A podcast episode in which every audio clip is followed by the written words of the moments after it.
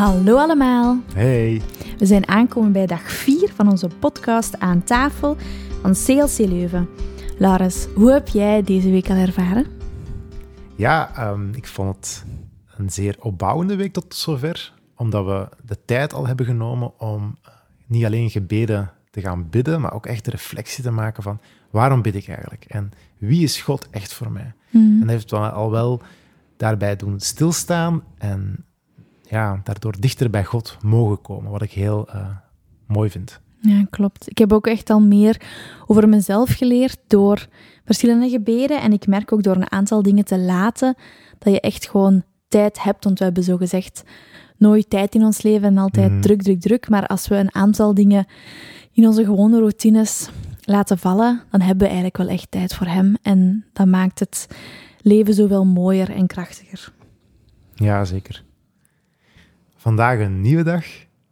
Maries, ik heb ook een vraag voor jou. Wanneer ken je echt iemand? Wanneer, vanaf welk punt kan je echt over iemand zeggen, nu ken ik jou? Oké.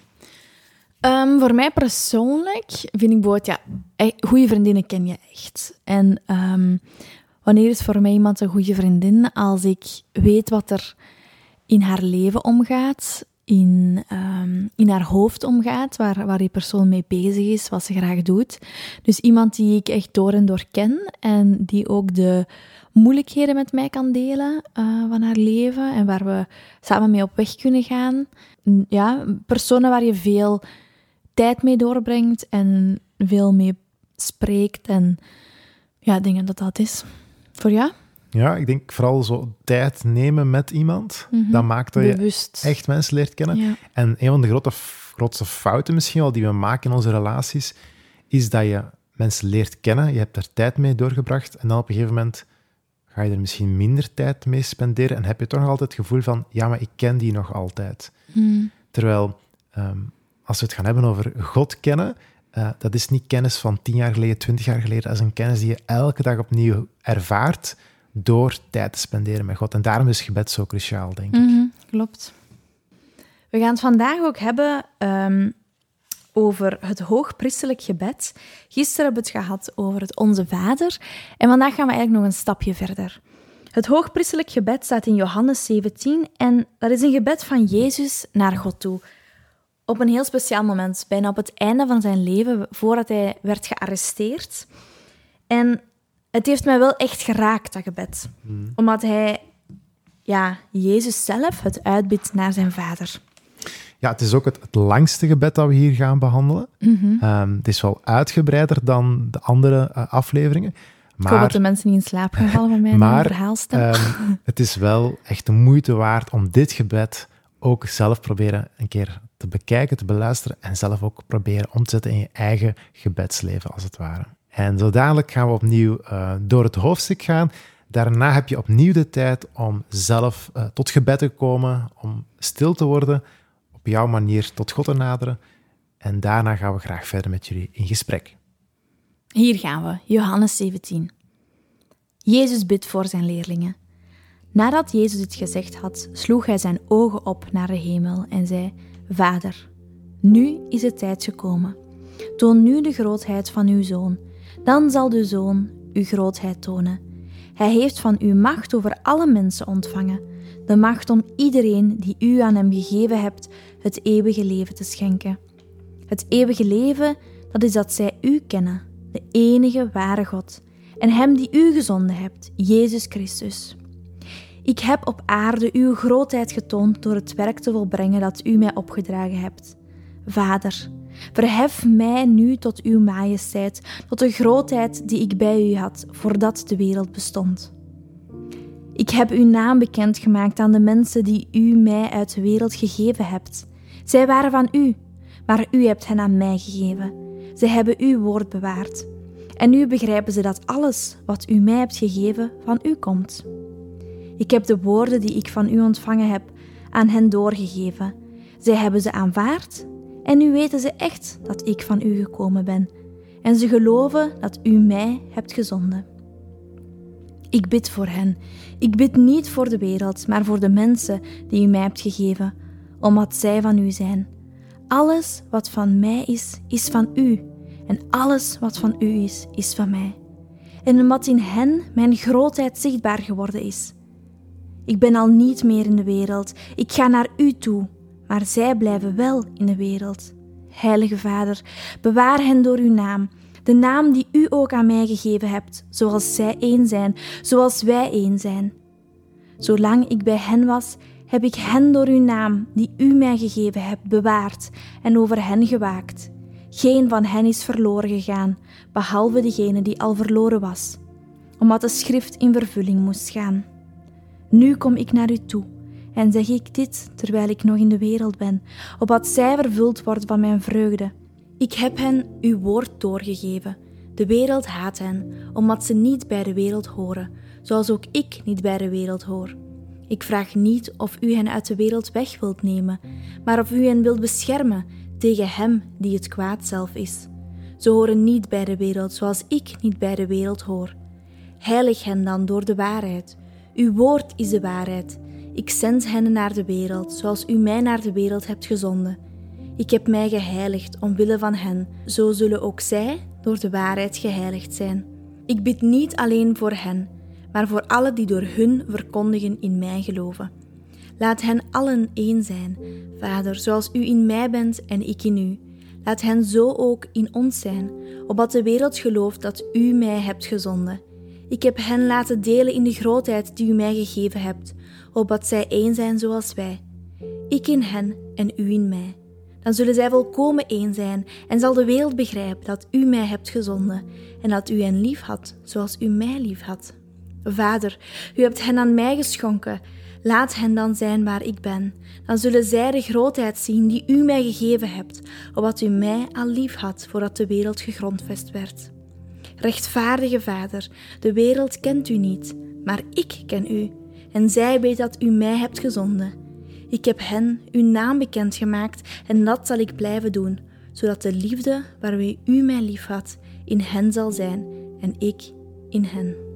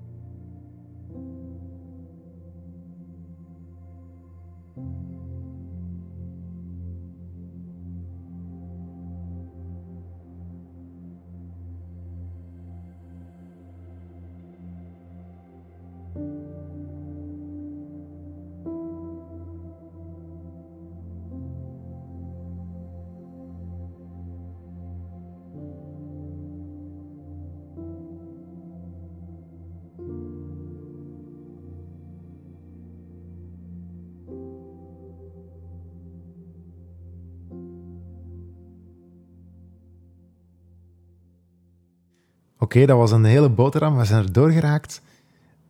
Uh, we hadden daar straks over wanneer ken je echt iemand. En Jezus die laat ons in zijn gebed um, een heel belangrijk onderdeel zien. Hij zegt in vers 3: En dit is het eeuwige leven dat zij u kennen, de mhm. enige waarachtige God. Vind ik zo'n mooi vers. Ja, heel mooi. Um, dat we God mogen kennen en in de relatie die we hebben met God, dat is het eeuwige leven. Dat is leven in relatie met God. Zo krachtig. En je ziet eigenlijk Jezus hier opstaan als een soort van voorbidder voor zijn leerlingen, voor zijn discipelen, tussen zijn leerlingen en God. En ik denk dat wij die rol soms ook mogen aannemen. Mm. Als soort van voorbidder, iemand die al in gebed er gaat staan in relatie met God. Ja, en wat mij heel veel opviel, is dat het gebed eigenlijk in drie delen bestaat. Van vers 1 tot 8 is Jezus eigenlijk voor zichzelf deels aan het bidden. En dan, als we verder gaan, van vers 9 tot 19, dan bidt Jezus voor zijn leerlingen. En nog verder, van het laatste stuk, van 20 tot 26, bidt hij eigenlijk voor alle gelovigen. En het is geen smeekbeden of zo dat hij doet om verlossing, maar het is meer een pleitgebed voor de verheerlijking van God door zijn eigen sterven. En ik denk, amai, toen ik dat zo besefte, was ik wel... Allee, dat raakte mij echt, omdat dit zoiets persoonlijk is, zoiets persoonlijk van Jezus. Ik denk dat we dat allee, nog niet veel zijn tegengekomen zo in de Bijbel. Zoiets allee, diep dat hij zelf ehm, heeft uitgebeden naar God. Ja, je zei dus, uh, Jezus wil dat God verheerlijkt wordt. Mhm. En een belangrijke vraag die we onszelf moeten stellen is, is dat ook mijn verlangen? Mhm. Dat God verheerlijkt wordt door hoe ik leef. Ja, en dat we niet onszelf verheerlijken, bijvoorbeeld. Ja, maar dat is Zelf niet in de picture staan of zo. Dat is niet altijd zo makkelijk. Nee, ik denk dat we vaak in ons hoofd dat wel willen, maar dan onbewust toch meer met onszelf bezig zijn of zo. Ik weet niet. Ik, allee, ik kan dat wel soms hebben dat, dat je wel bewust voor God wil gaan, maar dan toch dat dat in je hoofd sluimert. Wat bij mij nog heel fel naar voren kwam, was ehm, het verlangen dat we één zijn in zijn naam. Mhm. Maar één zijn, ik denk ehm één zijn in, in je gezin, in je familie, maar ook als kerken. Ik denk dat er heel Als veel... gelovige. Als gelovigen, ja. Ehm, dat er heel veel verschillende meningen zijn en dat dat heel vaak voor problemen zorgt. En dit vind ik zo mooi, dat hij echt uitbiedt dat we als gelovigen één mogen zijn. Ja. Een ander ding dat ik ook heel mooi vond was dat hij zei van dat ze Jezus zijn vreugde en blijdschap mochten ontvangen. Dat dat zijn gebed was voor ons, voor zijn leerlingen toen, maar ook voor ons vandaag. En dan denk ik van, goh, zo vaak in situaties ben ik dan wel echt vervuld met zijn vreugde. Of ben ik misschien eerder vervuld met de dingen die ik niet heb, of met negativiteit of met frustratie. Ehm, maar ja, kan ik mij vullen met zijn vreugde? Dat is ook iets dat we kunnen doen door te bidden. Kunnen we ons vullen met zijn vreugde, als het ware. Ik denk als we niet weten wat te bidden, dan kunnen we zijn woorden die Jezus hier naar God toe heeft gebeden, nabidden. En als we onze hoop en moed verloren hebben, dan kan je naar dit gebed vastgrijpen, naar zijn woorden, en dit gewoon zelf uitbidden over je eigen leven, maar ook over, zoals Jezus bad voor zijn leerlingen, voor de mensen rondom jou, maar ook voor alle gelovigen. En ik denk dat dat iets heel krachtig is als we ja, zelf gewoon niet meer weten wat of hoe, dat we gewoon dit gebed vaker uitbidden. Want het gebed luidop voorlezen, dat gaat je sowieso raken. Dus dat is iets dat ik denk wel dat de mensen, dat we dat kunnen meegeven als je aan het luisteren bent en je hebt straks nog tijd. Het is 26 versen, maar neem de tijd en ehm, lees het nog eens luidop voor, voor jezelf of misschien voor je kinderen of voor je partner. Ehm, maar het zal je raken. Ja, en ik denk gewoon, je kan heel simpelweg deze dag verder gaan en regelmatig in je hoofd, of misschien zelfs let op, gewoon benoemen tegen God, ik wil u kennen, ik wil uw heerlijkheid ervaren en ik wil uitstappen in uw liefde. Dan heb je eigenlijk drie pijlers die heel centraal staan in dit gebed.